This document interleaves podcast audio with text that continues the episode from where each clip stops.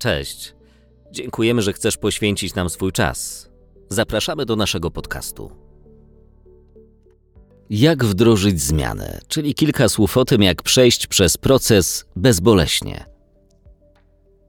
Proces zakupu nowego systemu do zarządzania serwisem to wbrew pozorom nie jest prosta sprawa.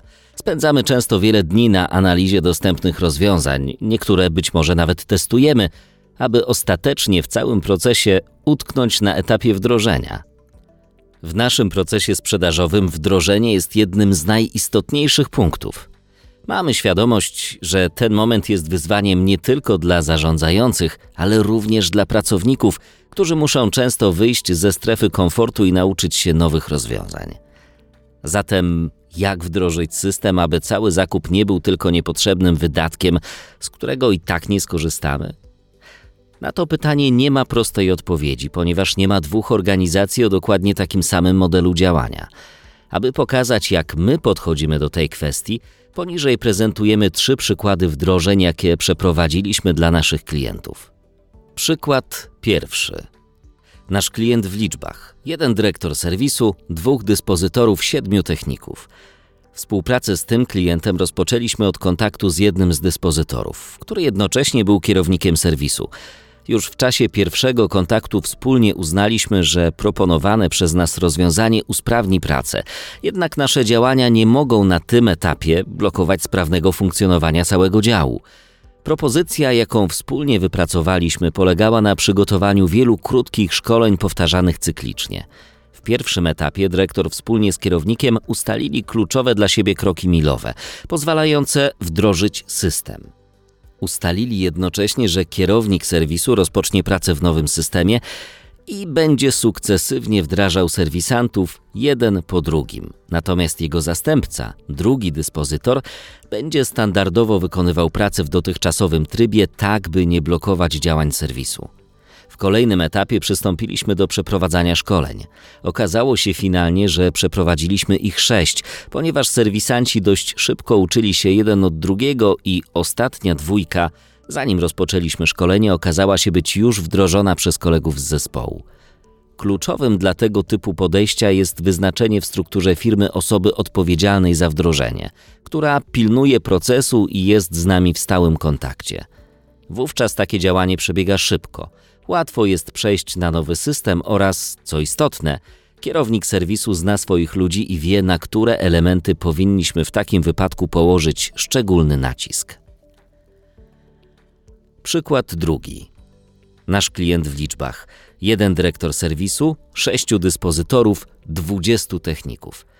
W tym przypadku nasz kontakt również rozpoczął się od dyspozytora, jednego z kierowników regionalnych, który postanowił ułatwić sobie codzienną pracę. W wyniku naszego kontaktu i późniejszych rozmów rozwiązanie zostało wdrożone dla całej firmy. Również w tym wypadku to dyrektor i wspomniany wyżej kierownik, biorąc pod uwagę nasze sugestie, postanowili wdrożyć program przygotowując cały plan. Jego głównym założeniem było działanie w oparciu o nasz system w obrębie jednego miasta, obsługiwanego przez trzech serwisantów. Rozpoczęliśmy pracę z kierownikiem serwisu i jego pracownikami, wykonując serię szkoleń w oparciu o ich prawdziwe codzienne zlecenia.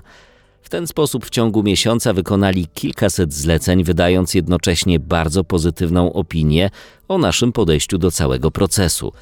Pokazując, że wiemy, jak skutecznie wdrożyć system, od kolejnego miesiąca rozpoczęliśmy pracę z kolejnym miastem, powtarzając cały proces. Nasza współpraca przy projekcie doprowadziła do tego, że ostatecznie nie tylko dział serwisowy został w całości wdrożony, ale firma ostatecznie postanowiła usprawnić również działanie grup montażowych. Współpraca z tym klientem pokazała nam, że działając w oparciu o konkretny obszar, gdzie zaangażowany kierownik rozumie potrzebę zmiany, możemy bez opóźnień i niepotrzebnych zawirowań spokojnie wdrożyć nowy system zarządzania. Przykład trzeci nasz klient w liczbach: trzech dyrektorów serwisu, 15 dyspozytorów, 200 techników. Ten przykład jest dla nas szczególny. Bardzo uniwersalne podejście, które stosowaliśmy zarówno w dużych korporacyjnych klientach, jak i w małych i średnich przedsiębiorstwach czy serwisach z dwoma osobami. Przy tym podejściu bowiem wielkość firmy nie ma znaczenia. Istotne jest kilka innych elementów, takich jak 1. Chęć dążenia do optymalizacji procesów. 2. Biegłość w obsłudze urządzeń mobilnych i komputerów u wszystkich pracowników. 3. Bardzo dobra komunikacja w zespole. 4. Menadżer, który cieszy się dużym zaufaniem zespołu.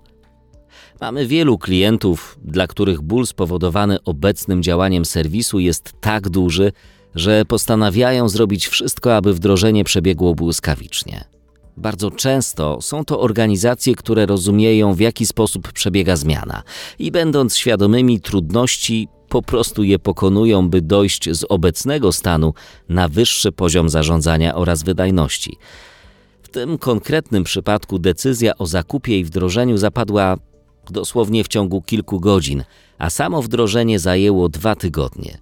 Był to oczywiście niezwykle intensywny czas, gdzie i my poświęciliśmy klientowi znaczną część naszego zaangażowania, oddając tylko do jego dyspozycji kilku informatyków wspartych przez szkoleniowców. Było intensywnie, ale tego typu działania przynoszą nam wiele satysfakcji, kiedy wszyscy są zaangażowani, a nasze rozwiązania przynoszą szybkie efekty dla klienta. Podsumowanie. W jaki sposób najlepiej wdrożyć Wasze rozwiązanie w naszej firmie? To pytanie pojawia się bardzo często. Jak widzicie, nie ma jednego złotego środka. Każda organizacja jest nieco inna od poprzedniej, dlatego wdrożenie jest u nas jedną z integralnych części procesu sprzedaży. Staramy się poznać Was, naszych klientów i służyć profesjonalną radą bazującą na naszym doświadczeniu.